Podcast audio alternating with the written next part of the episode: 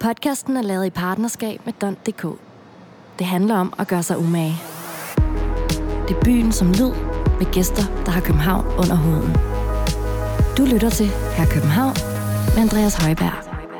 Dette afsnit er sponsoreret af Reset Sneaker Store, det bedste sted at shoppe sneakers i København. Og med det vil jeg sige velkommen til ugens gæst, nemlig rapperen Benjamin Hav. Tak.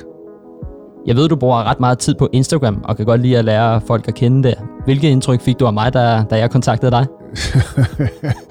Jamen, øh, du har ikke noget profilbillede, så vidt jeg de husker. Øhm, og du hedder hr.københavn. Her København. Øhm, så jeg skulle ligesom lige prøve, men da jeg stalkede lidt, jeg er ret god til at stalke faktisk. Jeg, jeg vil sige, jeg er nok en af de bedre.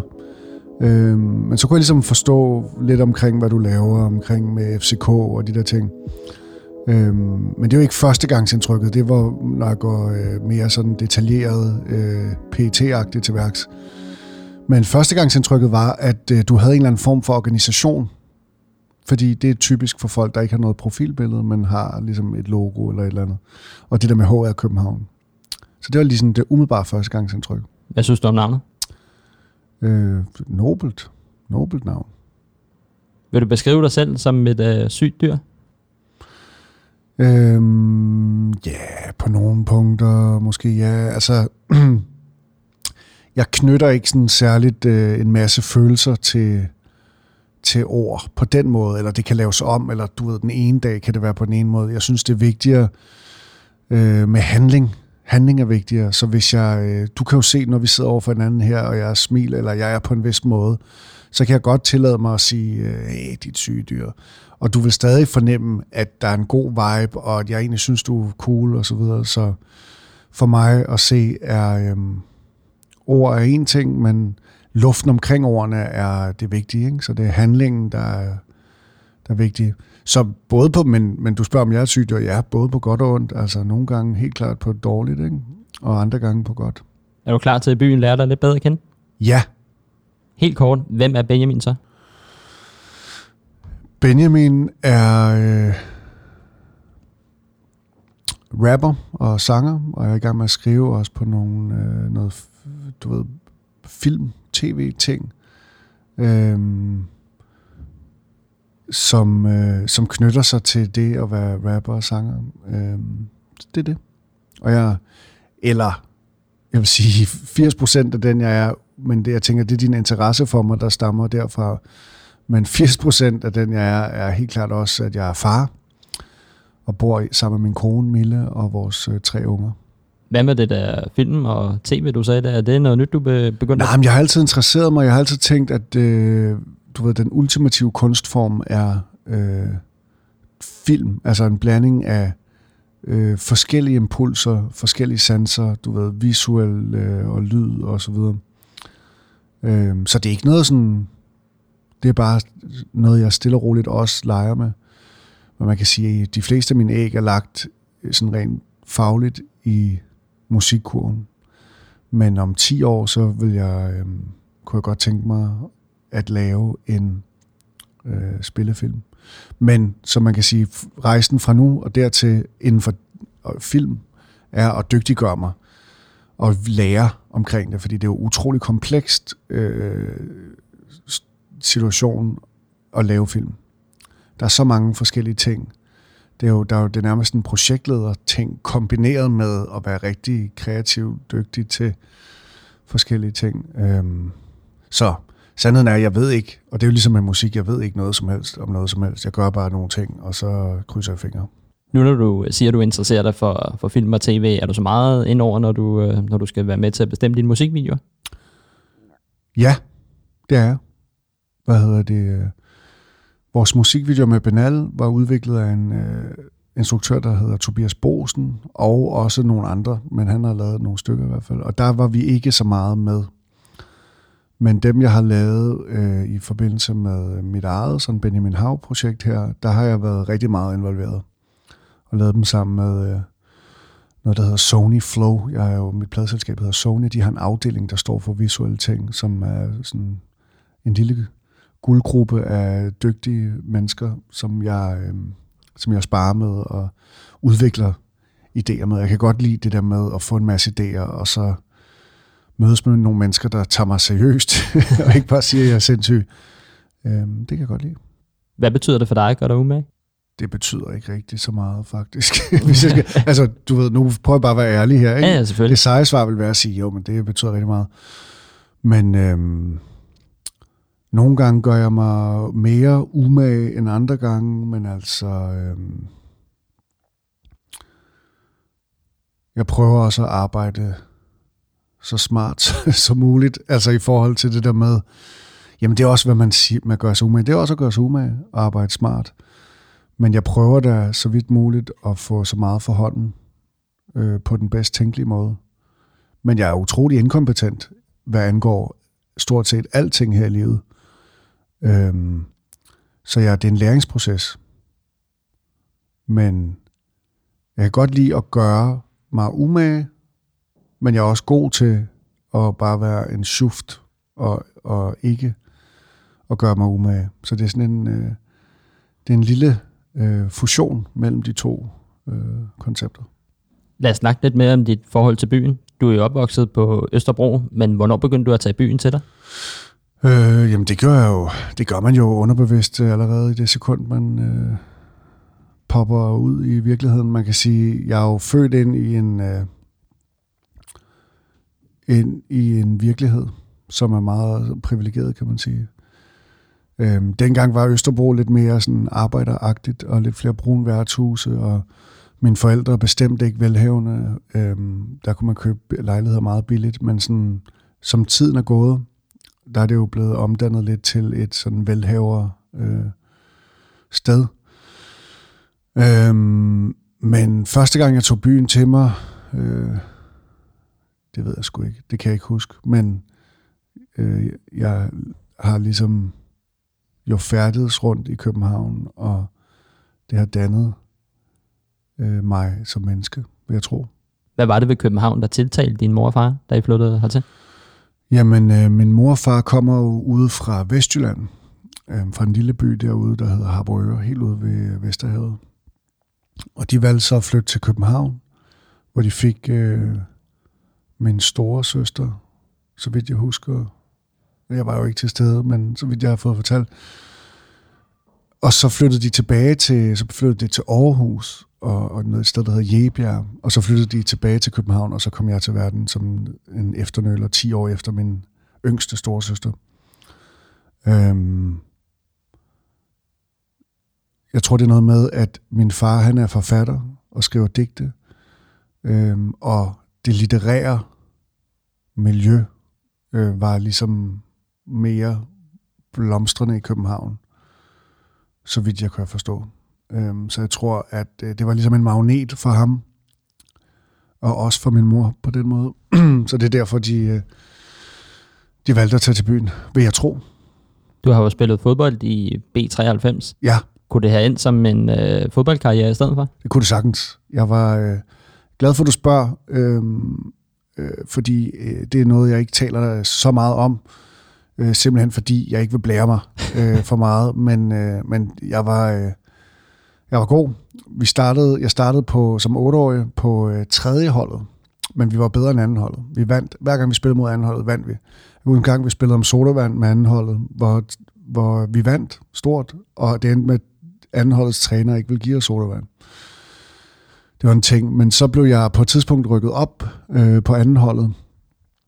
Øhm, og der var det sådan noget med øh, meget løbetræning, løbetræning to gange om ugen og sådan noget ude ved Kildevældsparken. Øh, og det var jeg ikke givet til. Men jeg tænker, hvis jeg havde slugt den og havde overkommet den, fordi fysisk formåen er en kæmpe del af det at spille fodbold, og jeg var også, jeg var god, men jeg har altid været lidt højere end andre, og du ved, mit skud lidt mere raffineret og så videre. Hvis jeg selv skulle sige det. Det kan være, der er nogen, der hører det, der griner. Men øh, jo jo, vi havde, øh, vi var i Østerbro Vis øh, flere gange for at have den øh, vanvittige målscore, og øh, jeg var sådan midt-midt øh, type, ikke? Så man kan sige, så begyndte jeg at spille computer, hvor jeg brugte ligesom den del. Jeg tror strategisk har jeg altid haft et eller andet flere for øh, koordination og strategi. Og det, jo, det bruger man jo rigtig meget i fodbold, men det er klart, hvis man ens kondition er dårlig, så, så nytter det ikke noget. Kan være, at man skal være træner måske. Men øhm, ja, så, øh, men det betød rigtig meget. Jeg vil sige nede på Østerbro Stadion og nede ved øh, Gasværk, altså på 93 grunden dernede. Jeg var også en kort overgang træner for et øh, fodboldhold i Skjold, et børnefodboldhold. Men så skulle vi op øh, og spille udekamp i Ganløse. Og det prøvede jeg en gang, hvor jeg skulle op klokken 6 om morgenen, og så tænkte jeg, det går satan noget med, det kan jeg ikke gøre det her. Så øh, sådan det. Nu ser jeg fodbold, og det er det. Kunne du godt have set dig selv som en uh, Thomas Delaney-type-agtig? Fuldstændig. Altså alt fra, og det er noget med håret, min tilgang til, øh, til fashion og beauty. Øhm, jeg tror, vi, har, vi er meget mere øh, beslægtet øh, på den måde. Øh, men sådan har jeg det med mange. Altså øh, fra Marquis til hele vejen rundt. Altså der er, øh, jeg prøver at leve mit liv jo som en professionel fodboldspiller.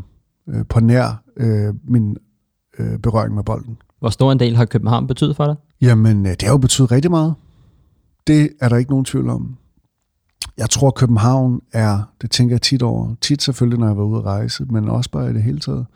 København er et meget unikt sted øh, i verden, fordi det er tilpas stort til, at øh, du kan få øh, 56 forskellige varianter af en, øh, en god øh, øh, stykke smørbrød.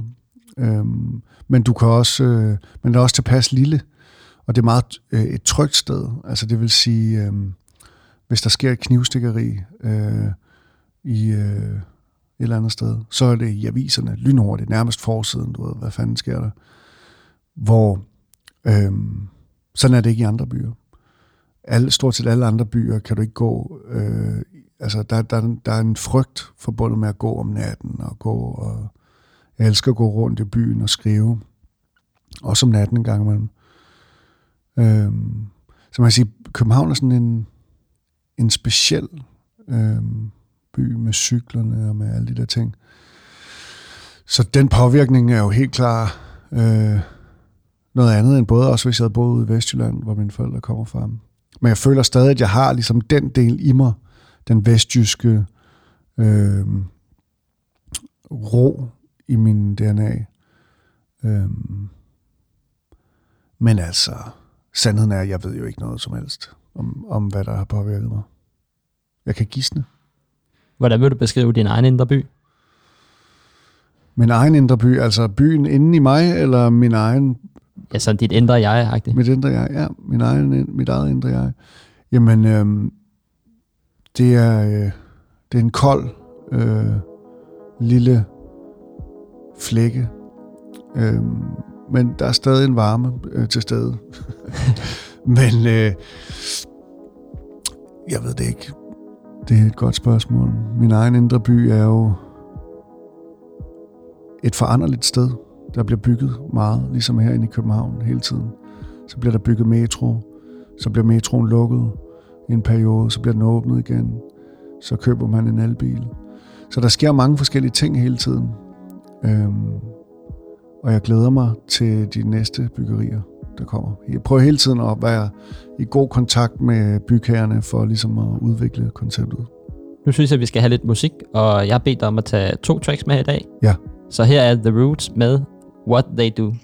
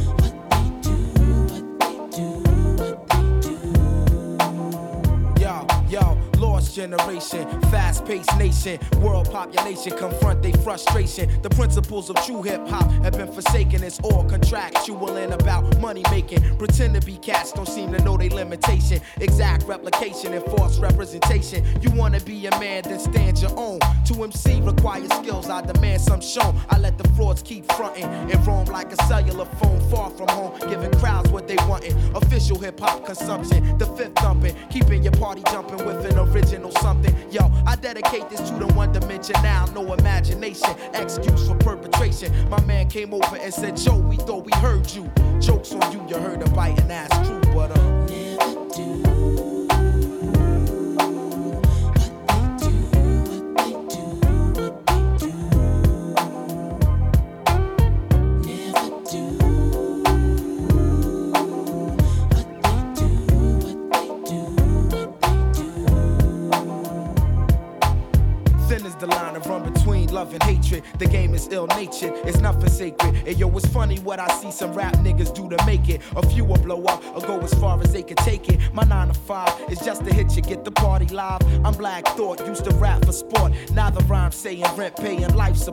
Take it very seriously. Within this industry, it's various crews that try to touch me. But I come with the beautiful things, and I bless the track plushly. Around the world, crowds love me from doing tours. Recipient of applause from all of you and yours. Creator of original sounds that's in the stores you take home to absorb and sweat it out your pores. Now who can stop the music running through these veins? Infinitely go against the grain. That's why my motto is to never do.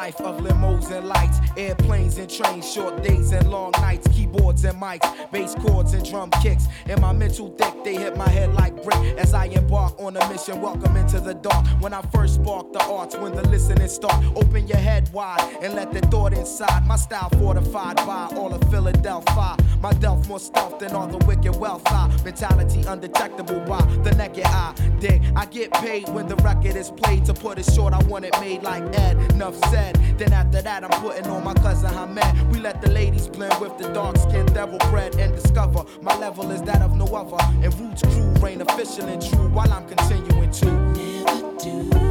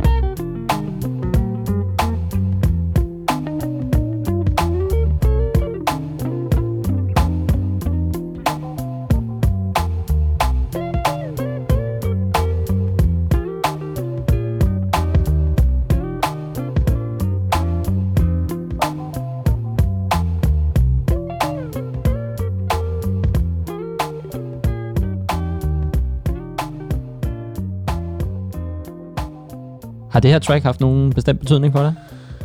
Øh, helt klart. Jeg kan huske det noget tilbage fra, øh, vi var sådan tidlige teenager, hvor vi, vi har været inde og se Roots et par gange også. Øh, boysene i Vega. Øh,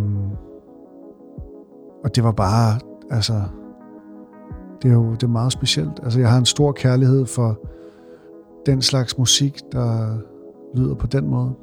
Ligeså vel som, øh, som så meget andet. Men der, der er bare sådan en, jeg synes Roots er, øh, du ved, det, det, det, øh, det er en speciel stemning, som har været med til at forme min sådan, måde at tænke på i musik. Lad os snakke lidt mere om dig og skrue tiden lidt tilbage. Fedt. Man kan vel godt kalde dig for en rigtig efternøler, men øh, hvordan ja. var din barndom? Det var øh, en rigtig ubehagelig situation. Nej, det var, øh, det var fint. Det var ret, øh, som det nu er. Med øh, min far er forfatter, min mor var sygeplejerske og blev senere uddannet som socialrådgiver, og mine forældre blev skilt, da jeg var 13 år cirka, tror jeg. Øhm, det er det. Og så fik min far min lille søster med hans nye kone, Christina, øhm, nogle år efter. Så min lille søster er 16 år yngre end jeg er. Øhm, og øh, ja, så det var egentlig øh, ret øh, stille og rolig. Øh, ikke specielt... Øh, det var ikke sådan en speciel øh, luksuriøs øh, barndom, men det var heller ikke sådan armod. Det var meget sådan jævnt. Jeg tror, de har taget noget af deres øh, sådan vestjyske, spartanske livsstil med til København. Øhm, så det var ikke sådan følelsen af, af sådan kæmpe rigdom, men mere sådan en god stemning og du ved, meget familie vibe. Som ung, der får man jo tit at vide, at man skulle kunne en masse ting, men øh, hvad hjalp dig til at finde den øh, musikalske hylde? Øhm, det er bare noget med, hvad jeg synes er sjovt. Øhm, jeg har altid haft noget med ord, og talt meget, og talt godt for mig selv, og klaret det okay i skolen på, på den baggrund, i de fag, hvor man kan tale sig fra det. Øhm, og det vil sige, matematik for eksempel har aldrig været min stærke side. Altså jeg er til husbehov og, og kørt det fint nok, men, men det kan man ikke tale sig fra på samme måde, som man kan med dansk og samfundsfag og historie og sådan nogle ting. Øhm, så jeg har altid talt godt for mig. Øhm, og så fandt jeg ud af, at det kunne man bruge til at skrive tekster, da jeg blev introduceret for hiphop, da jeg var teenager. Øh, og så tænkte jeg, det var alligevel sjovt, fordi det var ligesom sådan en, det var en frihed. Der kunne jeg være helt mig selv og gøre lige præcis, som jeg havde lyst til, og skulle ikke passe ind i en konform situation, bygget af sådan folks forventninger, Geo Jensen forventninger til, hvordan man bør være i givende situationer. Men der kunne jeg egentlig bare være mig selv, paraderne nede, og bare sådan, nå, ja, okay, så det... Og derfra, op til nu, har det egentlig mest af alt været øh, øh, et spil, hvor jeg har i højere og højere grad kunne tillade mig at gøre præcis det, jeg synes var rigtig sjovt. Så ligesom i, hvad var det, i 14-15 stykker, stoppede jeg med at lave andet, øh, end at bare kun lave musik. Øhm, og det der med bare, i stedet for at gøre, hvad man bør, så gøre, hvad der føles rigtigt, og sådan føles helt rigtigt. Og det tog alligevel lang tid at skralde de der forventningslag af, både til mine egne forventninger til, hvad man bør som menneske, og de aspirationer, man har, og så videre. Ikke? Og man tager folkeskolen, så tager man gymnasiet for de fleste vedkommende. Så skal man på universitetet, så når man er færdig med universitetet, så skal man have et job og arbejde sig op. Og, øhm, og jeg har taget, fået taget min gymnasieuddannelse via sådan turbulente øh, forhold til forskellige uddannelsesinstitutioner, enten med at gøre det som selvstuderende, hvor jeg kun gik til eksamen uden at øh, gå til undervisning. Men det lykkedes mig. Øh, og fin, fin situation. Men så har jeg ikke brugt den siden der. Og det er det der med, hvad føles fedt. Øh, jeg kan godt lide at som udgangspunkt gøre det, der føles rigtigt. Synes du, skolerne gør nok for de kreative personer? Nej, overhovedet ikke. Men, men jeg synes slet ikke, at skolen gør nok for nogen som helst slags personer. Jeg tror, alle folk er kreative på deres egen måde, men det at være kreativ er også at få idéer og tænke, øh, hvordan kunne man gøre i den her situation. Så det, gør, det er noget, der gør sig gældende inden for alle typer jobs. Så jeg tror på en eller anden måde, alle mennesker har det der kreative ting, om de så ender med at være forfatter, eller bager, eller kok, eller sådan. Jeg tror, de største øh, Noma-kokke, det er jo nogle af de allermest kreative mennesker overhovedet. Og det der med kreativitet for mig er det der med at forsøge at angribe et emne, eller angribe en situation fra så mange forskellige vinkler, at man får et mere nuanceret syn på, øh, hvad det er. Og der synes jeg helt klart, at folkeskolen og skolen i det hele taget øh, gør øh, gør det øh, på en måde, og det som, som ikke nødvendigvis fordrer den bedste udvikling hos, øh, hos børn. Og, og lad mig sige det sådan her, jeg tror, de enkelte lærere ude i, altså, er fuldstændig fantastiske. Jeg taler om møder, kommer også fra en familie af lærere, og så videre. Øh, min store søster Chris og min øh, anden søsters mand Jakob og forskellige andre øh, kusiner og fædre. Og sådan. Jeg har stor respekt for lærergærningen, og jeg føler, at, øh, at der bliver gjort et kæmpe stort stykke arbejde, men systemet er bare sat op på en måde, hvor alle skal gennemgå en meget bred øh, uddannelse. Så det vil sige, at du skal være god til mange ting. Allerede fra... Øh, du går i vuggestue, børnehave, du skal være god til mange ting. Især i folkeskolen de første år, skal være rigtig god til mange ting. Du skal kunne matematik, du skal kunne dansk, du skal have historie, du skal være dit, du skal være dat og social og alle de der ting. Og jeg synes, det er godt at øh, præsentere børnene for de forskellige valg osv. Men det her med, ude i samfundet, når vi bliver voksne, det kender du fra fodboldens verden og fra alle mulige andre verdener, den, de, de reelt dygtigste mennesker, man kender, øh, er jo også de absolut dårligste mennesker til en masse andre ting. Dem taler vi bare ikke om, fordi der er lige den her ene ting, de er gode til, og det er fedt. Og sådan er det jo bare. Den sociale kapital er ligesom, er, har du fundet din plads? Er du glad? Man er glad, hvis man gør noget, man er god til. Øhm, men i folkeskolen føler jeg ikke, at man får lov til at være god til de ting, der gør en glade men i højere grad handler det om at blive og løfte bundniveauet på alle de andre ting. Og jeg har sådan øhm, min fars kone Christina for eksempel, hun er øh, en af Danmarks allerbedste pianister, fuldstændig vanvittigt dygtig pianist. Laver musik på et niveau, jeg slet ikke kan sætte mig ind i, og har ikke mødt nogen andre end hende, der kan det. Øhm, men så er der nogle andre ting, som hun er helt vildt dårlig til. Altså for eksempel at holde øje med, hvornår øh, der skal vaskes op, eller et eller andet, kan man sige. Øhm, og det, det bliver så bare accepteret, fordi okay, hun er fucking dygtig til at spille øh, klaver. Og jeg tænker bare med de, med de her børn, det jeg havde ved folkeskolen, og mega god, det var ligesom, at alle skal være medium, alle skal ligesom nå det her pensum i de her fag, hvor det ikke er i orden, og bare allerede fra tidlig alder, at sige, du ved, Erik han er fucking dårlig til matematik, han hader det, men han er fucking god til at tegne og, og lave dansk, så sige allerede i en tidlig, tidlig alder i folkeskolen, måske allerede i anden klasse eller sådan noget, sige, okay Erik, fra nu af skal du slet ikke have, du have matematik. Nu skal du kun have øh, dansk og øh, billedkunst. Resten, det skal du til gengæld have fucking meget. Så nu skal vi gøre dig til mastermind. Det tror jeg på. Og jeg tror, at om 50 år kigger man tilbage på den, den nuværende folkeskole og griner lige så håndligt, som man gør i dag, når man kigger 50 år tilbage. Ikke? Vi tænker, i gamle dage, der måtte man ikke slå børn, men jeg tror, om 50 år vil man måske kigge tilbage på nuværende øh, folkeskole og sige, hov, dengang slog man børn på en anden måde, på en mental måde. Øh, men hvad ved jeg? Jeg er jo ekstremt inkompetent, det er bare min intuition. Er du glad for, at du ikke blev journalist? Ja, nu er jeg. Øhm, men øh, dengang, da jeg søgte ind på Journalisthøjskolen i Aarhus og også ud i Emdrup, der øh, var jeg ærgerlig over, at jeg ikke øh, kom ind. Jeg kunne ikke forstå det. Jeg tænkte, nej, prøv, jeg er jo, altså, jeg er jo guds gave til, øh, til alle mulige ting. Men øh, jeg, har også, jeg har aldrig været så god til at passe ind i sådan en given opgave. For eksempel hvis nogen siger, beskriv øh, da da da da inden for nogle givende rammer.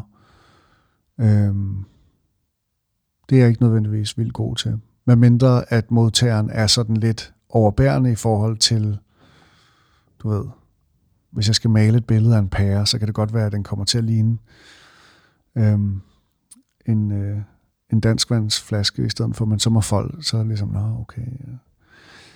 Så, øhm, og det, det, var ikke, det tror jeg ikke var noget, der var, øhm, det er klart, optagelsesprøven til journalistskolen er jo bygget på nogle, nogle ting, som jo er godt.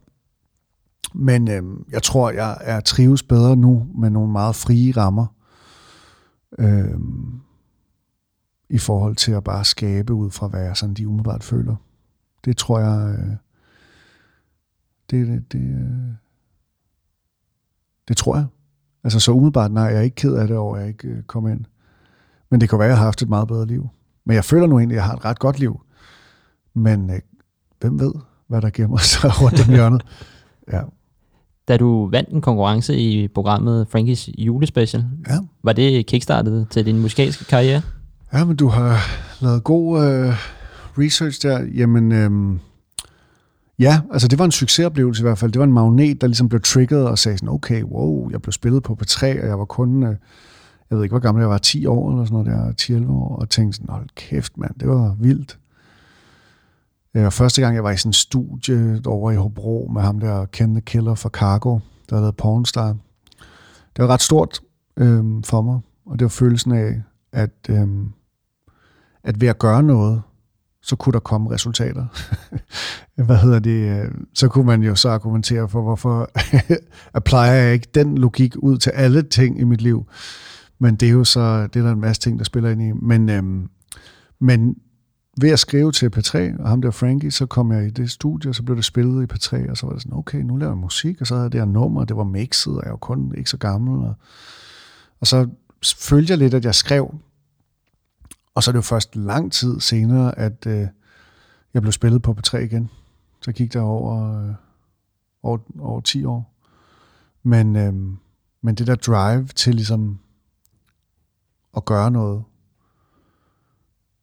skrive til folk, ringe til folk, øh, det ligger i mig i forhold til, ja, og, og prøve bare sådan generelt med livet, altså sådan få nogle, øh, få nogle sjove øh, oplevelser, tror jeg, de sidste ende. Man får aldrig, altså det er jo det samme med kærligheden, ikke? Hvis jeg havde haft et skjold på, da jeg mødte min kone, og sådan, så havde vi aldrig mød, mødtes ordentligt, eller det samme, hvis hun havde haft et skjold på, så havde vi aldrig, men ved at ligesom sige, okay, skal vi gøre det, og man kunne også bare det, og bum, og hvad, hvad med det, og så videre. Eller da vi fik børn, vi fik børn ret hurtigt, da vi var sammen der, ikke? Øhm, og flyttet sammen hurtigt. Og sådan. Jeg tror på det der med ikke at fedt med livet, og gøre ting nu. Og hvis jeg har en idé nu, for eksempel, da vi spillede i Vega øh, i december her, der øh, blev jeg på et tidspunkt hejst op i en wire øh, op under sceneloftet i et nummer. Og det var en idé, jeg havde fået sådan ikke så lang tid inden, hvor jeg tænkte sådan, lad os, altså, hvis ideen er der, så lad os prøve i hvert fald umiddelbart at få jagtet den og få den udført. Og så linke med nogle mennesker, der kan få det til at ske, fordi øh, så mudrer det ikke for nogle nye idéer. Det er sådan, jeg prøver at, at navigere. Hvad har PDB betydet for dig? Og han har betydet meget. Vi mødtes, øh, da jeg var... Øh, jeg kan sgu ikke engang huske øh, årstallet, men lige da jeg sådan følte, okay, jeg lavede numre sammen med øh, øh, en producer, der hedder Adam Sampler, som nu er PDB's, øh, en af PDB's faste producer, der også er med i en gruppe, der hedder Tomrum. En fantastisk gruppe. Jeg overvejede at tage et nummer, øh, de har lavet, der hedder Orange Mad. Øh, men det endte jeg som ikke at gøre. Så det, men nu har jeg sagt det, kan man sige. Kan det være, det tæller lidt alligevel. Men øh, så hør, hørte Pede noget af det musik, jeg havde lavet med Adam, tror jeg, det var. Og så sagde han sådan, han, han kan et eller andet, ham der. Og så mødtes vi og lavede noget musik sammen, og det, vi klikkede godt, og han var virkelig sød til. Han var jo ret inde i et ret professionelt setup, øhm, i forhold til, at han havde vundet Fight Night, øh, MC's Fight Night dengang, øh, og sådan, var i gang med at vinde en til Fight Night lige sådan i den periode, og Han skulle spille til noget, der hed Aarhus, Took over på Train i Aarhus, med en masse, sådan, hele Danmarks hiphop-scene og amerikanske rapper også. Og han sagde, tag med over og spil. Og det var min første sådan koncert, hvor jeg var sådan tættere på at være voksen. Jeg havde spillet noget sådan ungdomsklub-ting, der var lille, ikke? Men, og han, du ved, han ville betale mig for at, at være med. Altså, i, i et moment, hvor jeg var jo fuldstændig, om muligt, endnu mere retarderet, end jeg er nu. Øhm, så han var meget sådan skubbet på, hey, og gør, kom nu, og fedt, og sådan. Og i en tid, hvor dem, jeg ellers havde lavet musik med, havde ikke på samme måde ligesom en masse ting kørende for sig, men man kan se, Pede allerede dengang havde en et utroligt drive til ligesom, så skulle man godt det, og han var i gang med at lave noget albums ved siden af det der Fight Night, og bare sådan en øh, arbejdshest. Og det var utrolig inspirerende. Øhm, men dengang røg jeg rigtig meget weed, og det var modgiften mod den inspiration, jeg fik fra Pede, kan man sige. Så det gjorde, at jeg var levet lidt i sådan en zombie-tilværelse. Øhm, jeg kender mange, der sagtens skal få det til at fungere med weed på sådan et normalt øh, livs, øh, livsbane, men øh, det kunne jeg ikke. Jeg er alt for all-in-agtig, så det er ligesom hele vejen eller, eller ikke noget. Så det er først ligesom, da jeg stoppede med det, at der begyndte at sådan rigtig tage fart med musikken. Men, øhm, men Pede var virkelig støttende, øhm, og, øh, og, og hans energi omkring arbejdet, hans filosofi omkring arbejdet, og den måde, han ligesom havde samlet det her hold af mennesker omkring sig på, og han gjorde en masse ting, øh, var to på turné. Du ved, øh, jeg var med ham nede og spille på taberiet i Køge, og sådan noget, wow, du kan tage udenfor, altså, og i Aarhus selvfølgelig, ikke? og sådan væk fra København og spille, og det var sådan helt vildt. Øhm, det var meget inspirerende. Så, øhm, så hvad Pede har betydet, det, altså utrolig meget. Altså det må man sige. Han, øhm, han har en meget sådan øh, en, en øh, inspirerende øh, luft omkring øh, sin person i forhold til hans tilgang til at få ting gjort. Altså man kan se også den dag, altså han er jo, jeg tror han må være den mest produktive danske øh, tekstforfatter, inklusiv øh, Claus Rifbjerg. Øh, han, han, laver, han har lavet et album øh, om ugen nærmest, ikke? ligesom dig. Ja, ja, det er rigtigt. Det er rigtigt. Jeg prøvede, det kan være, det er sådan en underbevidst øh, kopiering af konceptet, og jeg tænkte sådan, okay. Men nej, utrolig inspirerende. Og nu kan jeg se øh, på fredag, jeg ved ikke, hvornår den er kommet ud, men på fredag spiller han jo en øh, udsolgt koncert i Storvækker. Kæmpe situation også for øh, fordi han har ligesom valgt at gå, være kompromilløs også i den type musik, han laver, for eksempel. Ikke? Uden at sådan læfle for nogen, eller uden at prøve at gøre det bredt, men meget sådan kompromilløst. Så det er også min, øh, min intuition omkring hans mm, gruppe af mennesker omkring det er ligesom, det er ikke for alle, det musik, han laver, men dem, der er der inde i den verden, de, dyk, de, de er der til gengæld også fuldstændig helt. Ikke? Det er sådan, at man en del af hans fans laver sådan et optog fra et eller andet sted øh, til et andet med, øh, med romerlys og sådan vanvittigt. Jeg tror, det er ham Peter Sørensen, Firepro, der også har noget med det at gøre. Øhm, så ja, der, det er ligesom, man kan mærke, ligesom dem, der dykker ind, er der også til gengæld 100%. Det er også det, jeg håber øh, og fornemmer nu på en eller anden måde, at der også er en element af det i min øh, verden. Men i hvert fald det der med, værdien af, at dem, der dykker ind, dykker rigtig meget ind, i stedet for, at der bare er en milliard mennesker, der kun dykker, du ved, en TSG-længde øh, ind.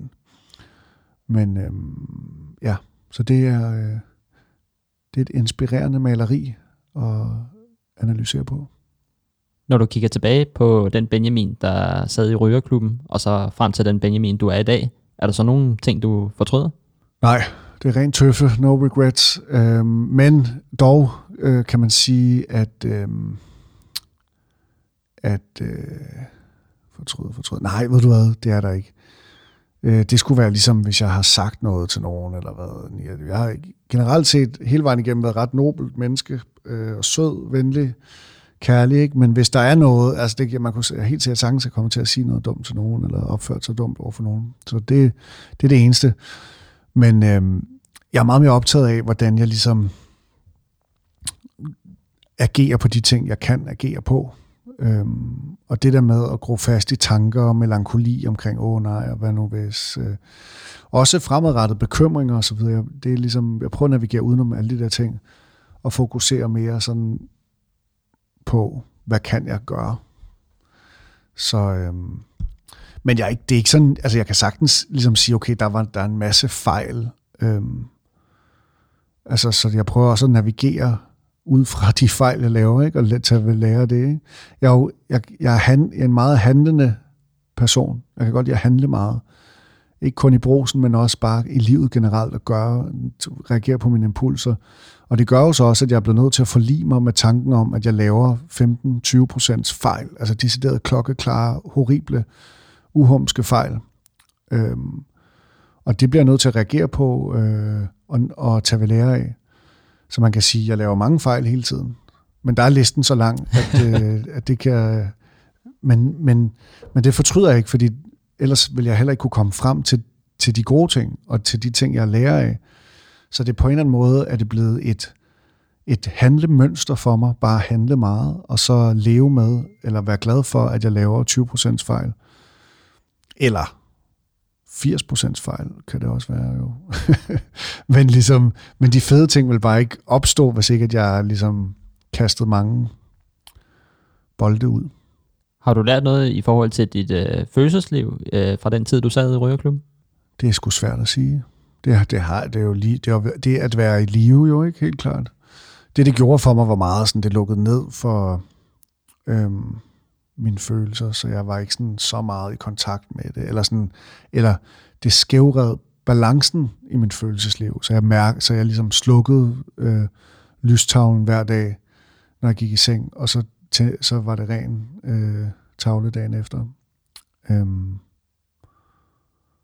Så min lærdom omkring det, jeg er mest forbundet med at sige, det er ikke godt for mig, fordi at jeg øhm, kunne ikke bygge videre på mine øh, følelser og impulser øh, på samme måde, som jeg kan nu. Øh, men altså, der er også en masse gode ting ved det. Altså det er det, det, der er så øh, tricky ved de der ting. Altså, der er, jo, der er jo gode og dårlige ting ved det. Ikke? Altså hvis der var en person, der var rigtig, rigtig ubehagelig over for min familie, og jeg slog vedkommende ihjel for eksempel, så vil der jo være den gode ting ved det, at vedkommende ikke vil gøre noget dårligt ved min familie igen, og være, og være forsvundet. Men det dårlige er, at så vil jeg slå vedkommende ihjel, og vil blive fængslet og komme væk fra min familie måske. Og, og i hele det der med at slå nogen ihjel, er jo også en øh, dårlig øh, vibe at have siddende på sit øh, virke, øh, tænker jeg. Men så det der med, så man kan sige, det gode ved at sidde i en rygeklub, det var lidt et tidsspur, men det gode ved at sidde i en rygeklub er jo, så sidder man der, og vi hygger, der var en god stemning, og folk sådan, ah, okay. Ja. Øhm, så den der tæthed, der var omkring de folk, der var der, og den sådan, hverdag, der var omkring det, har jeg svært ved at se, hvordan jeg skulle have fået andre steder det kunne man få på en arbejdsplads, men så arbejdede man jo, så ville man ikke være så lystbetonet fri i sit virke, så man kunne måske argumentere for, at den frihedsfølelse, jeg har fundet i det der segment, har jeg, er jeg blevet afhængig af. Friheden i det, og har ligesom jagtet den senere hen, så jeg begyndte begyndt at lave musik. Fordi det var en, en af de ting, der gav mig allerstørst frihed. Men øhm, men jeg vil da, det, jeg siger til mine unger, er da helt klart ikke noget med, at jeg vil anbefale, at de dykker ind i et galopperende hasmisbrug. Øhm, der må være andre måder, man kan komme hen til, øh, til et kær, en kærlighedsrelation til friheden på. Albert, der, der startede jo Benal i 2012, men øh, hvordan mødte du egentlig Albert? Jamen, øh, vi mødtes øh, første gang til en PDB-koncert ude i templet i Lyngby, der er et spillested, der ligger derude. Der hilste vi bare høfligt, bare lige sådan hurtigt, dag, dag, ja, dag. Så det var ikke øh, sådan en stor øh, samtale, men så mødtes vi i et studie, jeg havde med Pede og nogle andre ude i Rådmandsgade på Nørrebro. Øh, Øhm, og så lavede vi et nummer sammen, der hedder Bennys Ting, øhm, over noget, der var meget atypisk i forhold til almindelig hiphop. Det var mere sådan øh, engelsk inspireret. Øhm, og det synes vi var fedt, og den respons, vi fik fra alle andre, der var der, og dem vi spillede det for, var også sådan, okay, det her det er virkelig sejt. Og så var det en succesoplevelse, som vi så valgte at bygge videre på. Øhm, og det var egentlig bare det. Hvorfor følte du, det var tiden nu til at, ligesom at holde en uh, pause for din bedste veninde? Tiden er jo aldrig rigtig, men tiden er også altid rigtig. Altså det er jo det samme med, ligesom, der er både gode og øh, dårlige ting ved det, men det er også en impuls, der var sådan, okay, hvad nu hvis jeg... Fordi Albert er virkelig dygtig, altså han er virkelig jo en af de allerdygtigste producer, vi har herhjemme. Øhm, så det gør jo, og det, det gode ved det er, han er bare dygtig, og han er fed at arbejde sammen med, og han er også et rigtig sødt menneske. Så, så det, det gode ved det er, at jeg blev ligesom kom, kom ligesom meget i sådan en co-pilot øh, øh, state, hvor det er ligesom ham, der, der, der sørgede for alt i forhold til skabelsen af musikken, udover selvfølgelig teksterne og så videre, som jeg står for. Øh, og så havde jeg så en anden, måske mere fremtrædende rolle i forhold til live og udvikling af det. Men, øh, men det gjorde så også, at jeg på et tidspunkt vågnede op og tænkte sådan, okay, øh, hvordan ville det være, hvis ikke det her var her? Altså hvis det kun var mig selv. Fordi nu har, man kan sige, mit arbejde med Albert har modnet mig hen til, hvor jeg er nu. Hvor jeg, det ville jeg ikke kunne komme hen til det sted, hvis ikke jeg havde mødt Albert, og ikke havde lavet de her ting, og havde haft så mange samtaler omkring alting øh, via øh, samvær med Albert. Øhm, men så tænkte jeg, hvad hvis, det, hvad hvis det ikke var sådan? Hvad hvis det kun var mig selv? Hvordan vil jeg så øh, gøre det?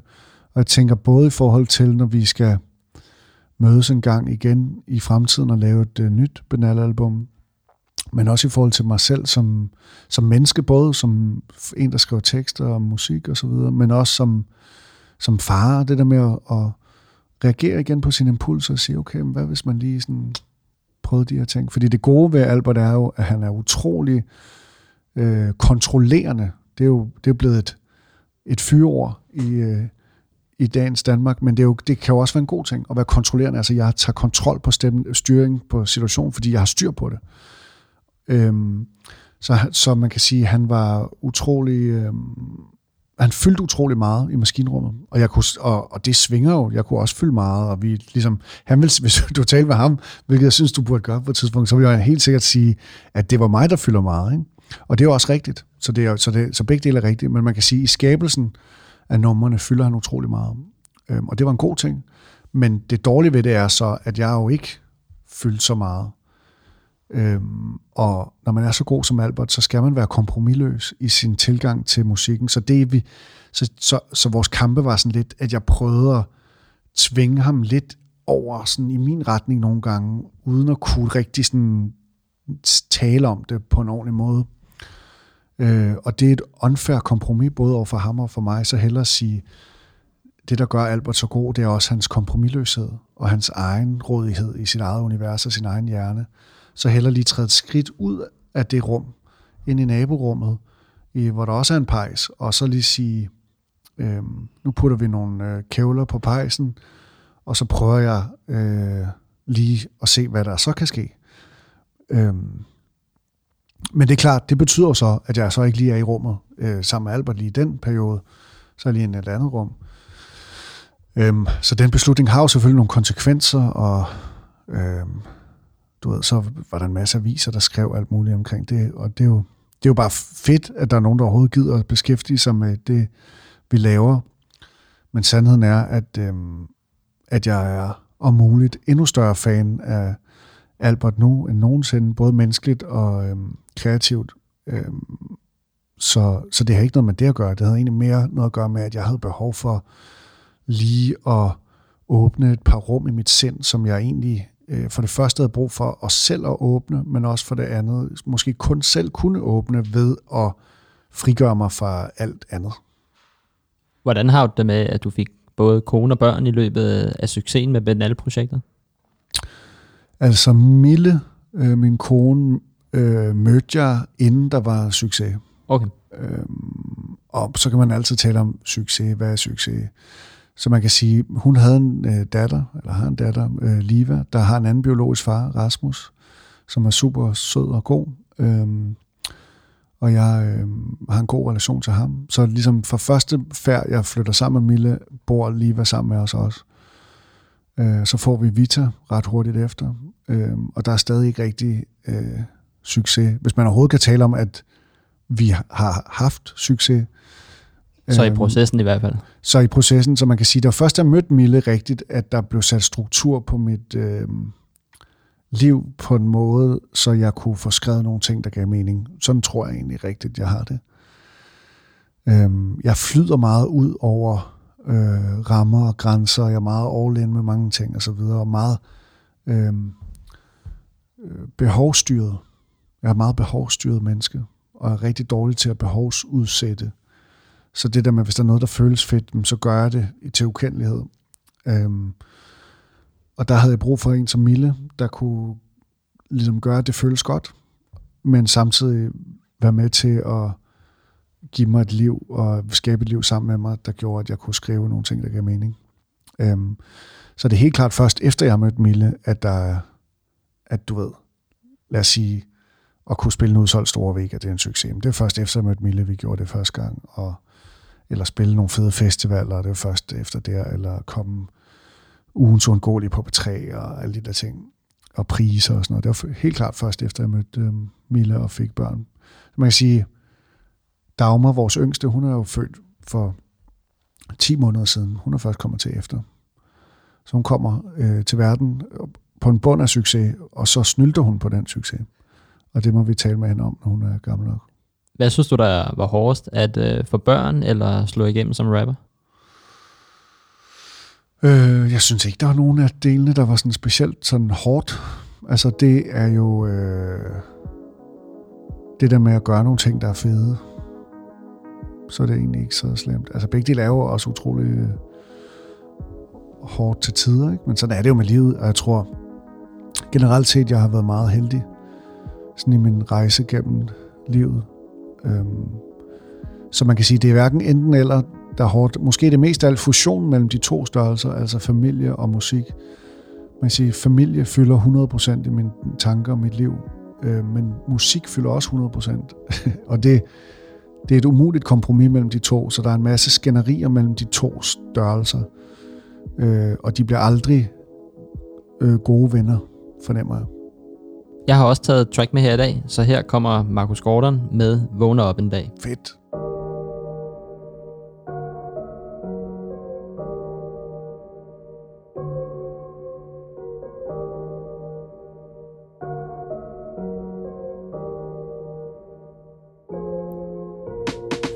ikke forstå, hvorfor de ikke kan se det Som om der stadig er noget at bevise nogen tager det halve, men jeg tager det hele. Som om der stadig er noget, jeg vil dele. Stadig føles det så let. Jeg må have en god dag. Jeg må have en god uh, Jeg må have et godt år. Du må tage din hat af. Prøver ikke at spille tid. Prøver bare at dele viden. Og I skal bare vide, hvad er en grund til, jeg ikke vågner som det ved. Ja, ja, ja, ja, ja. Hvad man der bliver af mig, må jeg vågner en dag. Der den samme nære siden første skoledag jeg håber ikke dumper, når musik det er mit fag. Ligger her og drømmer om, at jeg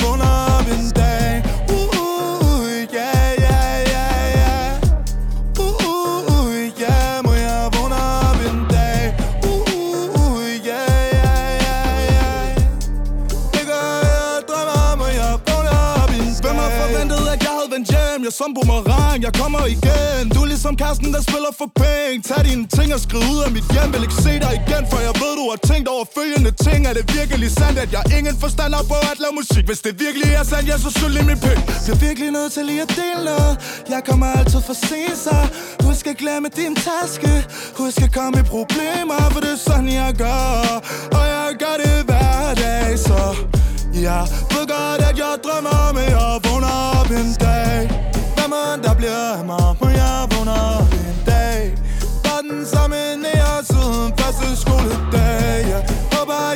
Dumper, når musik det er mit fag Ligger her og drømmer om, at jeg vågner op en dag uh, uh, uh, yeah, yeah, yeah, yeah. Uh, uh, uh, yeah, må jeg vågne op en dag uh, uh, uh, yeah, yeah, yeah, yeah. Ligger her og drømmer om, at jeg vågner op en dag. Nu synes jeg, vi skal snakke lidt mere om, hvordan din musik den bliver til. Ja. Din far er jo digter, og du har tilbragt adskillige timer på øh, biblioteket med ham. Har du lært noget af ham i forhold til, når du skriver dine egne tekster? Øh, ja, altså han har ikke sagt til mig at gøre sådan, sådan, sådan, men øh, helt klart det der med at forsøge på at vælge de rigtige ord, og undlade øh, de ord, der ikke giver mening. Altså ambition omkring det. Du har jo sagt, at dine øh, egne tekster er en form af brudstykker af følelser. Ja. Hvad vil du gerne fortælle med dine tekster? Øh, ikke noget rigtigt, tror jeg. Jeg har ikke nogen på den måde sådan en ambition. Øh, jeg vil gerne prøve at røre folk på følelserne, eller sådan røre mig selv, men også røre folk på den måde, det er klart. Men jeg ser jo også mig selv som værende en del af andre folk. Jeg tror, vi alle sammen er sådan rimelig ens, så det er klart, så man skubbet sig selv over i et eller andet sted i sit følelsesliv på baggrund af de oplevelser, man har haft, men, men vi er stort set øh, de samme øh, mennesker alle sammen. Men jeg vil gerne, jeg vil gerne prøve at, øh, jeg vil gerne prøve at røre folk øh, på følelserne. Om, om det så er sådan nogle øh, melankolske gradefølelser, eller storladende psykopat øh, optursfølelser. Det, øh, det er forskelligt, ikke? Men ja, så det vil jeg gerne, så man kan sige, så, så jeg vil selvfølgelig gerne opnå det. Ja. Jeg har læst, at øh, du tænker meget i sms-beskeder, når du skriver dine egne tekster. Ja. Hvorfor gør du det? Jamen, øh, det, det er korrespondancer, altså samtaler. Øhm, jeg tror, jeg har sagt det bare, fordi det er let sådan at, at bruge det som eksempel, men bare samtalen generelt også mellem os to. Øhm, og men en sms-besked er mere sådan skåret ind til benet. Øhm, man gider ikke at sidde og, og, og du ved, slide på sommelfingeren unødigt. Eller det er der sikkert nogen, der, der gerne vil. Men øhm, ja, så det er noget med at prøve at skære det ind til ligesom det essentielle, det der skal siges og så videre. Jeg prøver, min ambition er, altså, så må andre vurdere, om det lykkedes i nogen grad nogen gang imellem, men min ambition er i hvert fald at fjerne for, at de ord, der bare optager luften unødigt, og ligesom prøve at skære det ind til det sådan mere essentielle. Det er, min, det er min ambition i hvert fald. Nu må vi se, om jeg rammer den på et tidspunkt. Hvis du skulle skrive en sms lige nu, hvordan vil den så lyde? Eller kommer det an på, hvem det er til? Nej, jeg vil skrive præcis den samme sms øh, til alle. Øh, der vil jeg skrive, jeg elsker dig. Punktum. Punktum. Uden smiley. Uden smiley, ja. Det vil virke som sådan en form for ironisering. Hvordan bliver den øh, samtale på det tredje album, som, som, som jeg har hørt, du har kaldt den? Jamen, øh, det bliver en videreudvikling af samtalen mellem mig og lytteren. Øh, mellem mig og livet. Øh, så det er jo bare det. Det er jo ikke sådan på den måde så odiøst. Øh, det, jeg tror, jeg mener med det, er, at, øh, at det er en bevægelse, som jeg ikke føler er færdig på en eller anden måde. Øhm, men det er også meget myntet på, jeg glæder mig til at komme ud og spille med det live. Det er vigtigt for mig, ikke? Øhm, jeg har den her tur til april, de syge dyre tur, hvor jeg er i gang med at sætte nogle ting op og prøve at udvikle det og gøre det til noget specielt og unikt for både mig selv og for andre. Øhm, så man kan sige, det er en del af det.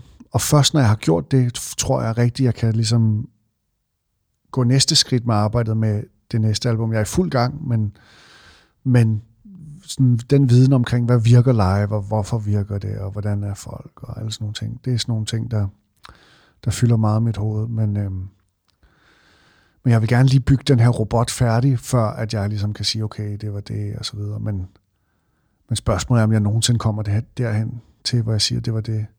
Det kan også være, at jeg bare efterlader robotten sådan et halv handicappet over hjørnet, og så siger jeg, okay, nu skal jeg noget helt tredje. Du nævnte uh, tidligere, at du lever lidt dit liv som en magnet. Ja. Hvordan gør man det helt præcis? Jamen, det er jo, det er jo både godt og dårligt, kan, men jeg prøver ligesom at, at fokusere på, at det skal være mest alt positivt, men altså, det er bare de ting, der, der suger en ind, og ligesom lade det ske.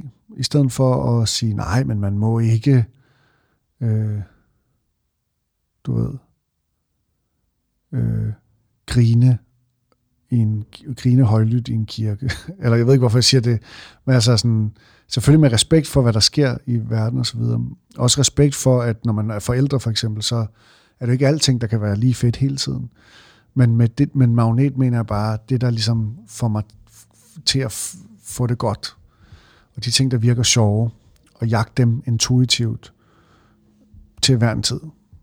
Så det vil sige, hvis der er noget, der bliver, hvis jeg føler mig metaltræt, eller jeg føler, at det her, det, den her samtale, de her ligesom mennesker, det her setup, det virker øh, ikke opblomstrende for den person, jeg er, mm, så prøver jeg at finde en situation, der gør. Så det er det der med, at øh, ja, og, og sige til mig selv, det er okay, det er faktisk vigtigt, at jeg øh, befinder mig et sted, hvor min hjerne øh, kan blomstre.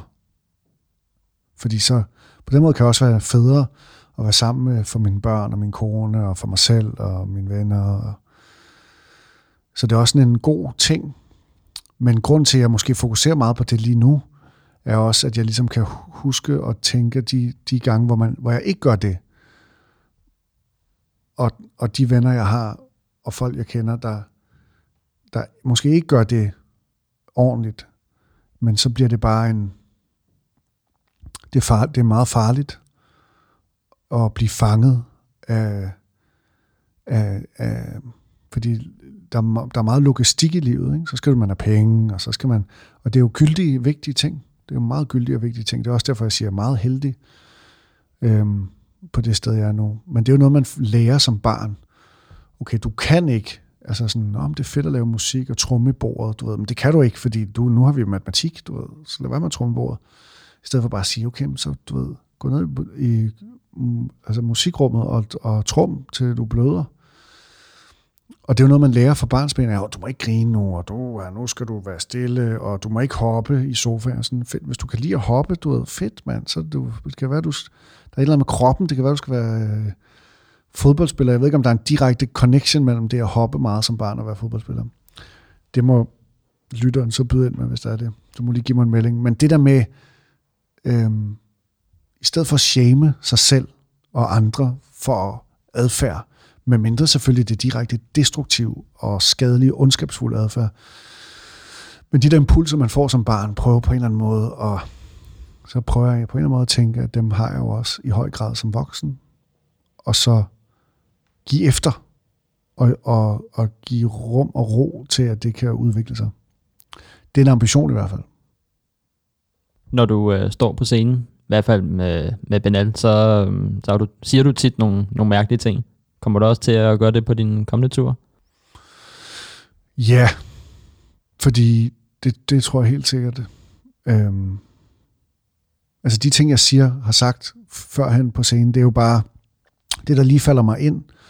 Fordi jeg prøver ligesom så vidt muligt at være bare sådan, være mig selv og være til stede. Og det er klart, når adrenalin pumper, som den gør, når man er, står på en scene på den måde, så, øhm, så det er en anden version af mig selv, kan man sige, end du ved, når jeg sidder og giver min øh, datter et bad, for eksempel, eller et eller andet. Men, men det der med at bare være sig selv og sige det, der falder ind ind, og være til stede og prøve at gøre sig gældende og lave sjov og have det fedt og sådan, det vil jeg helt sikkert stadig øh, komme til. Indtil den dag, hvor, øh, hvor der er noget andet, der er federe. Det kan være, at jeg beslutter mig for, at der skal være sådan en dronelyd mellem numrene, så kan jeg ikke sige noget sådan, sådan et eller andet og der skal ske et eller andet med nogle blomster, der falder ned fra himlen, eller hvad ved jeg. Eller der er et faldskærmsudspring mellem hvert nummer på festivalerne, eller et eller andet. Ja, men det er lidt anden situation med hensyn til, at nu, der, nu er Albert jo ikke med, og nu er der noget andet setup og så videre i forhold til live. Men øhm, ja, altså min intuition er, at jeg bare bliver ved med at være sådan uforudsigelig over for mig selv. Så det er ikke noget, jeg skriver ned, eller har skrevet ned før, eller sådan, men ja, jeg kan godt lide, der rum for at bare sådan at kunne være sig selv. Det kan være, at jeg kommer til at ligge ned under nogle numre, for eksempel. Hvad betyder den regnfrakke, du, du, altid har på? Er den ligesom blevet en del af din identitet? Nå, men jeg, har jeg har skiftet den jo her på sidste tur. Der var det, jeg havde jeg noget hvidt på. Øhm, det bliver noget helt, måske noget helt nyt næste gang. Så øhm, det har bare været mere eller mindre tilfældigt. Øhm, det, øhm, det er der ikke nogen tvivl om, at det er ligesom øh, den del af det, kunne der godt blive strammet op på. Så det kan være, at jeg kommer ud i, øh, i sådan en skotsk øh, kittel. Det vil jeg tro kunne gøre noget. Du vil ikke have stylist med på, på turen? Det kunne jo godt være, øh, at jeg selv tog en stylistuddannelse. Og stylede dig selv? Men det kan også min kone. Øh, hun er jo sådan lidt øh, solo-stylist. Det kan også være, du skulle med og, og være stylist for mig. Det kan godt være, jeg har brug for øh, simpelthen nogen, der ligesom kan komme ind og kuratere øh, garderoben, sige, det er den i dag. Så også det skifter lidt måske. Hvad betyder penge og likes for dig? Jeg plejer at joke med, at det betyder alt. Det betyder noget. Man siger, penge betyder, at jeg kan leve, du ved, og at, øhm, at vi har et cool liv med børnene, og Mille, min kone, ikke behøver øh, at arbejde, så, vi, øh, så hun er hjemme med børnene, og vi kan på den måde være meget sammen øh, med børnene og hinanden. Det betyder penge. Men når, når man når til, eller når jeg, er nå, når jeg, jeg har følt, at jeg har været nået til et vist niveau af indtjening, så man kan sige, at alt derover er ikke så væsentligt som det første. Det er klart, hvis du... Altså, det er jo virkelig luksuriøst at sige, at det ikke betyder så meget øhm, penge, men det er jo kun, hvis man har til dagen og vejen. Det er klart, hvis du sulter, så betyder det alting. Så jeg er meget heldig, at det ikke er noget, jeg behøver ligesom at, at bekymre mig om, men heller ikke noget, der er sådan en motivationsfaktor i sig selv. Øhm, men likes, det er klart, om folk kan lide det, jeg laver, og kommer til koncerterne, og hvis du liker noget, jeg har lagt op, så kan jeg ikke se, hvor meget liker du det. Nej, det er rigtigt. Et like er et like. Men der er nogen, der kan like sådan, nå ja, det er fint nok. Men der er også nogen, der kan like, hold kæft, hvor liker jeg det her meget. Ikke? Og mit håb, min ambition er, at folk liker det meget. Altså, du ved, liker og bliver nødt til at unlike og like igen, for en, hvis man skal, men så i virkeligheden også. Ikke? Eller kommentere. Eller kommentere. Det kan jo godt være, at det selvfølgelig er øhm, den addition til liket, der kan forklare og yderligere uddybe øh, omfanget. Men ja, så likes betyder helt klart meget. Øh, måske ikke så meget på Instagram og Facebook, og heller ikke engang så meget i forhold til streams øh, på Spotify og sådan nogle ting. Det er ingen tvivl om, at alle de her ting betyder noget. Der er ikke nogen tvivl om, at jeg lægger mærke til det, og det betyder noget, og det gør, er jeg glad, eller jeg, kan jeg være mere glad, og alle de der ting. Men fornemmelsen er meget, når jeg er ude og spille live, hvordan folk reagerer, øhm, og, og hvem, hvordan er folk til stede, både når jeg er ude og spille, men også når jeg møder folk, og fordi det er samme med et stream, du kan ikke se, hvordan, hvad er folks re- reaktion, hvad er folks relation til det. Du kan se, der er no, altså i musik for eksempel, ikke? der er nogen, der ikke sådan nødvendigvis streamer særlig meget, men som kan spille kæmpe store udsolgte koncerter, hvor folk øh, græder og øh, pisker sig selv med tornebuske af ren øh, armod over, hvor fantastisk det er. Og så er der nogen, der streamer helt fantastisk, og, øh, og, og, og ikke kan sælge de samme billetter. Og der er også nogen, der streamer fantastisk, og også kan sælge billetter, og så vice versa. Men for mig er det meget det der med mødet med folk, hvor jeg kan afkode, hvad gør det? Hvad, hvad ligesom, i forhold til musik, hvad, hvad, hvad, hvad kan det? Hvad gør det? Det kan være, at du skal have sådan en boks med ud, du kan aflevere til fansene til din kommende tur, hvor de ligesom kan like undervejs, Ja. når, når du har spillet et nummer. Jamen det er det med grader. Sige, det her får 80 procent. Det her får 60. Det, øhm, det er en god idé. Jeg synes, det er en rigtig god idé. Jeg ved, Flake havde øh, på Roskilde, havde de sådan nogle hjertemålere med på nogle fans. Mm. Så de kunne måle hjertefrekvensen under diverse numre på fansene. Det kan være, det er sådan noget der. Men jeg synes bare, det er spændende at se, kig, og generelt set bare kigge folk i øjnene og mærke sådan, Nå, okay, og hvor er vi hen i dag, og så videre. Sandheden er, nogle gange kan jeg vildt godt lide Leonard Cohen, for eksempel. Ikke? Vildt godt, sygt, fedt. Ikke? Men jeg kan ikke huske sidste gang, jeg hørte et Leonard Cohen-nummer. Og der er også andre gange, hvor jeg tænker, hold kæft, noget patetisk lort. Sådan kan jeg have det omkring Leonard Cohen, og stort set alle andre aspekter af mit liv. Ikke? Så jeg tror, at fortabe sig ind i afkodningen af likes er farligt i forhold til at skabe noget nyt. Fordi det er noget, det er omskifteligt, og man kan ikke øh, bygge sine øh, data på baggrund af det alene. Men jeg synes, det er spændende at spille og se på folk, øh, hvordan de ser ud, og sådan noget med folk for tatoveringer med mine tekster og sådan noget. Øhm, det synes jeg er en nobel gestus. Øhm, og sådan nogle ting. Men, øhm, men ja, men altså, det er da fedt at tjene penge. Det er da fedt at tjene penge. Altså, det må jeg sige. Det er fedt at tjene. Det er også far, det er farligt, ikke? Fordi så er det sådan, oh, okay, og du ved, så kunne det være, at man skulle have en Range Rover, eller du ved, alle mulige dumme, mærkelige ting, som ikke er dumt. Det er jo fedt også, men du ved, det er også mere sådan, det fedeste er jo egentlig bare sådan nogle andre ting. Men det er stadig fedt. Det, det, det er et komplekst emne. Det er et komplekst emne. Men jeg forsøger, ambitionen er, at det ikke skal fylde for meget. Nu synes jeg, vi skal tage det andet track, du har haft med i dag. Ja. Så her er Københavns Drengekor med Dejlig af jorden.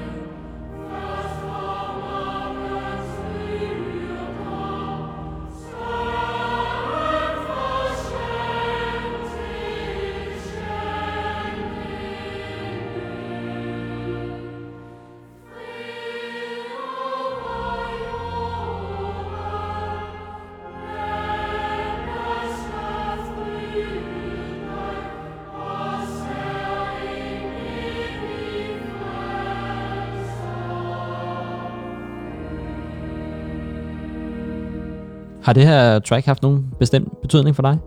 Ja, det har det. Mm, det er jo det er sygt. Det er jo, hvad var det, vi regnede frem til? Det er 170 år gammelt.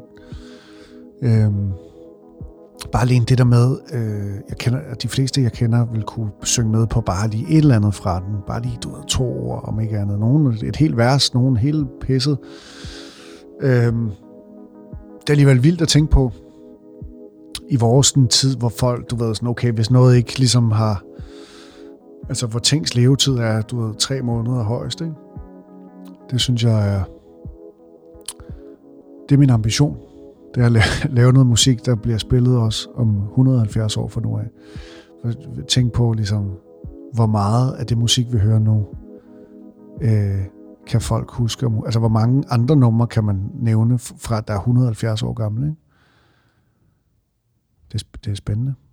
Men øhm, men jeg synes også, Københavns Drengekor, øh, hvis man må kalde det et band, men det gør jeg nu, det er et meget, øh, det er et meget cool band, synes jeg. Jeg kan godt lide det band. Det er, for ikke at sige, det er nærmest mit yndlingsband. Men øh, ja, det er et godt band. Jeg kan godt lide det. Selvom det er en coverband, men det er et dejligt band. Anbefalinger til København. Vi vil jo gerne forkæle, jeg lytter lidt, så lad os tage nogle anbefalinger for dig, Benjamin. Ja, Restaurant. Hvor kan du godt lide at spise i København? jeg kan godt lide at spise på, jeg ved ikke, om man må kalde det en restaurant, men den, der hedder Grød. Jeg synes, det er en restaurant. Altså, Det må du godt så må folk godt... Øh, men man betaler ligesom oppe i baren. Øhm, jeg kan godt lide Grød. Jeg synes, det er et dejligt sted. Vi bruger den nede i Nordre Frihavnsgade. Jeg synes, det er et dejligt sted. Min kone har engang set Kit dernede. Øhm, jeg kan sgu godt lide det. Jeg kan godt lide maden. Jeg kan godt lide viben. Jeg kan godt lide øh, konceptet. Hvad får du så derinde? Jeg får lidt af det hele. Øhm, her i julen havde de en gløk. Hisi gløk. Hisi. Øhm, men, det, men det var bare lige der. Øhm, men ellers så... Øh, måske en, det er meget forskelligt. Risottoen, synes jeg er god. Hvad med byens bedste kaffe? Hvor får du den hen? Øhm, den får jeg på Original Coffee. Øh, jeg drikker kaffe latte. Det er jo også, man kan sige, det er måske skamfuldt at sige det. Er det det? Ah, Hvis det er, hvis det er skamfuldt, så, øhm, så var jeg ikke opmærksom på, på det, da jeg sagde det. Øhm, og det ved jeg ikke, om tæller som en form for devaluering af selve skammen som koncept. Men ellers må jeg tage den på mig. Øh, jeg står ved det. Jeg kan godt lide kaffe latte fra Original Coffee. Det, det er også godt. Jeg kan også godt lide kaffe latte, men jeg er måske lidt mere over i cappuccino. Ja, men det er min øh, kone Mille, og når vi, hun er cappuccino, når vi får altid, ligegyldigt hvor vi er henne, serveret, så alle tænker, at latten er til hende, og cappuccinoen er til mig. Så jeg har ligesom fundet ud af på den måde, via sådan, øh, du ved, øh, indirekte shaming fra øh, tjenerstaben øh, rundt omkring i København, at øh, kaffe latte er en kvinde-ting. Men jeg er jo også vokset op med søstre kun, så det er måske, øh, måske er jeg bare øh, en, en kvinde. Og, og det, øh, det har jeg det i så fald rigtig godt med. Hvad med tøjmærker? Er der nogle øh, brands, du foretrækker at gå i? Øhm, på et tidspunkt havde jeg meget for det der, der hedder, jeg tror det hedder Han København. Ja. Han, Ja. Øhm, det synes jeg var meget cool. Øhm, ellers meget forskellige. Øhm, jeg burde jo have cuttet nogle deals med folk, inden jeg kom ind. men, det er jo, men, det, men det ligner mig heller ikke. Jeg har også uh, Mads Nørgaard, synes jeg også, uh, nogle cool ting og sådan noget. Øhm, jeg kan godt lide, øhm, at det ikke er så øh, meget brand, men mere sådan, hvad, hvad der er fedt. Hvad med sneakers? Går der lidt? Ja, jeg, hvad hedder det, øh, jeg har primært øh, Nike sko. Så fik jeg sådan en ting med, øh, fordi jeg hørte en podcast med Ankerstjerne, ham øh, rapperen, der også er øh, dommer i X-Factor, hvor han sagde sådan noget med, jeg tror det var en podcast, hvor han sagde sådan noget med, at øh, øh, sådan noget med Jordan-sko og så videre. Og så fik jeg sådan en eller anden øh, ting med, du ved, øh, Jordan-sko, nej, hvor det måtte jeg ikke få som barn, og det er alligevel sådan lidt en speciel sko at have som voksen, men alligevel sådan, åh, det er fedt.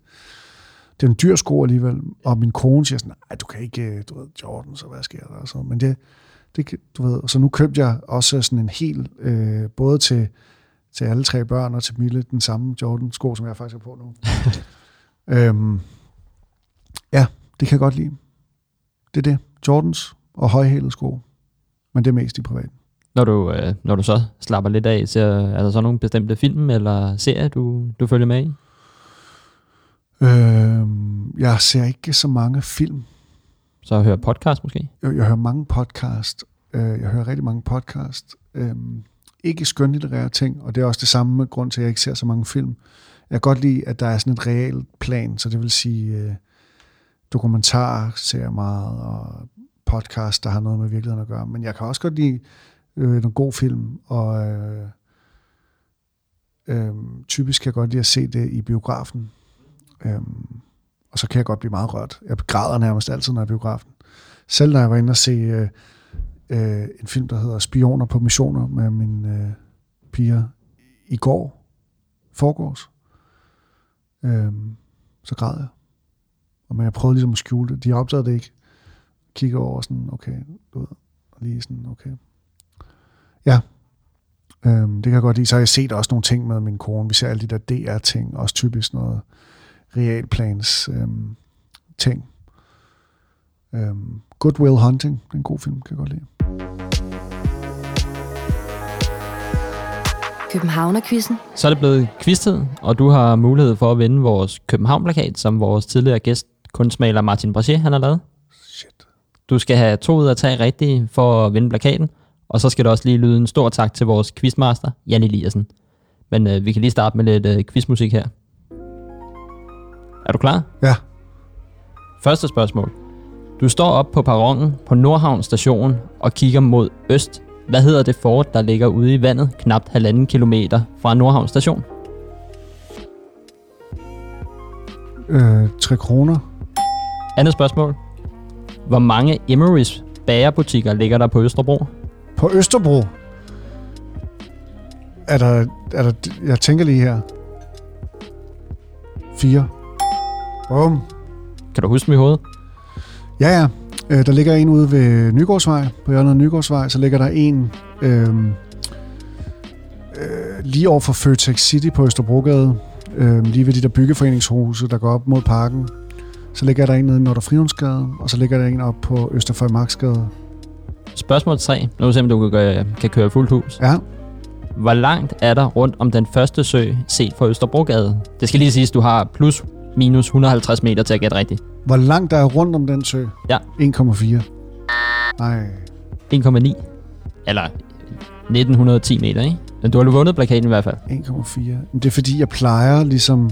Jeg plejer at skrue igennem, øh, så jeg svømmer over øh, nede for enden. Men okay, Ja, det, det er ikke alle, der gør det. Nej, det, det har vi ikke lige taget højde for.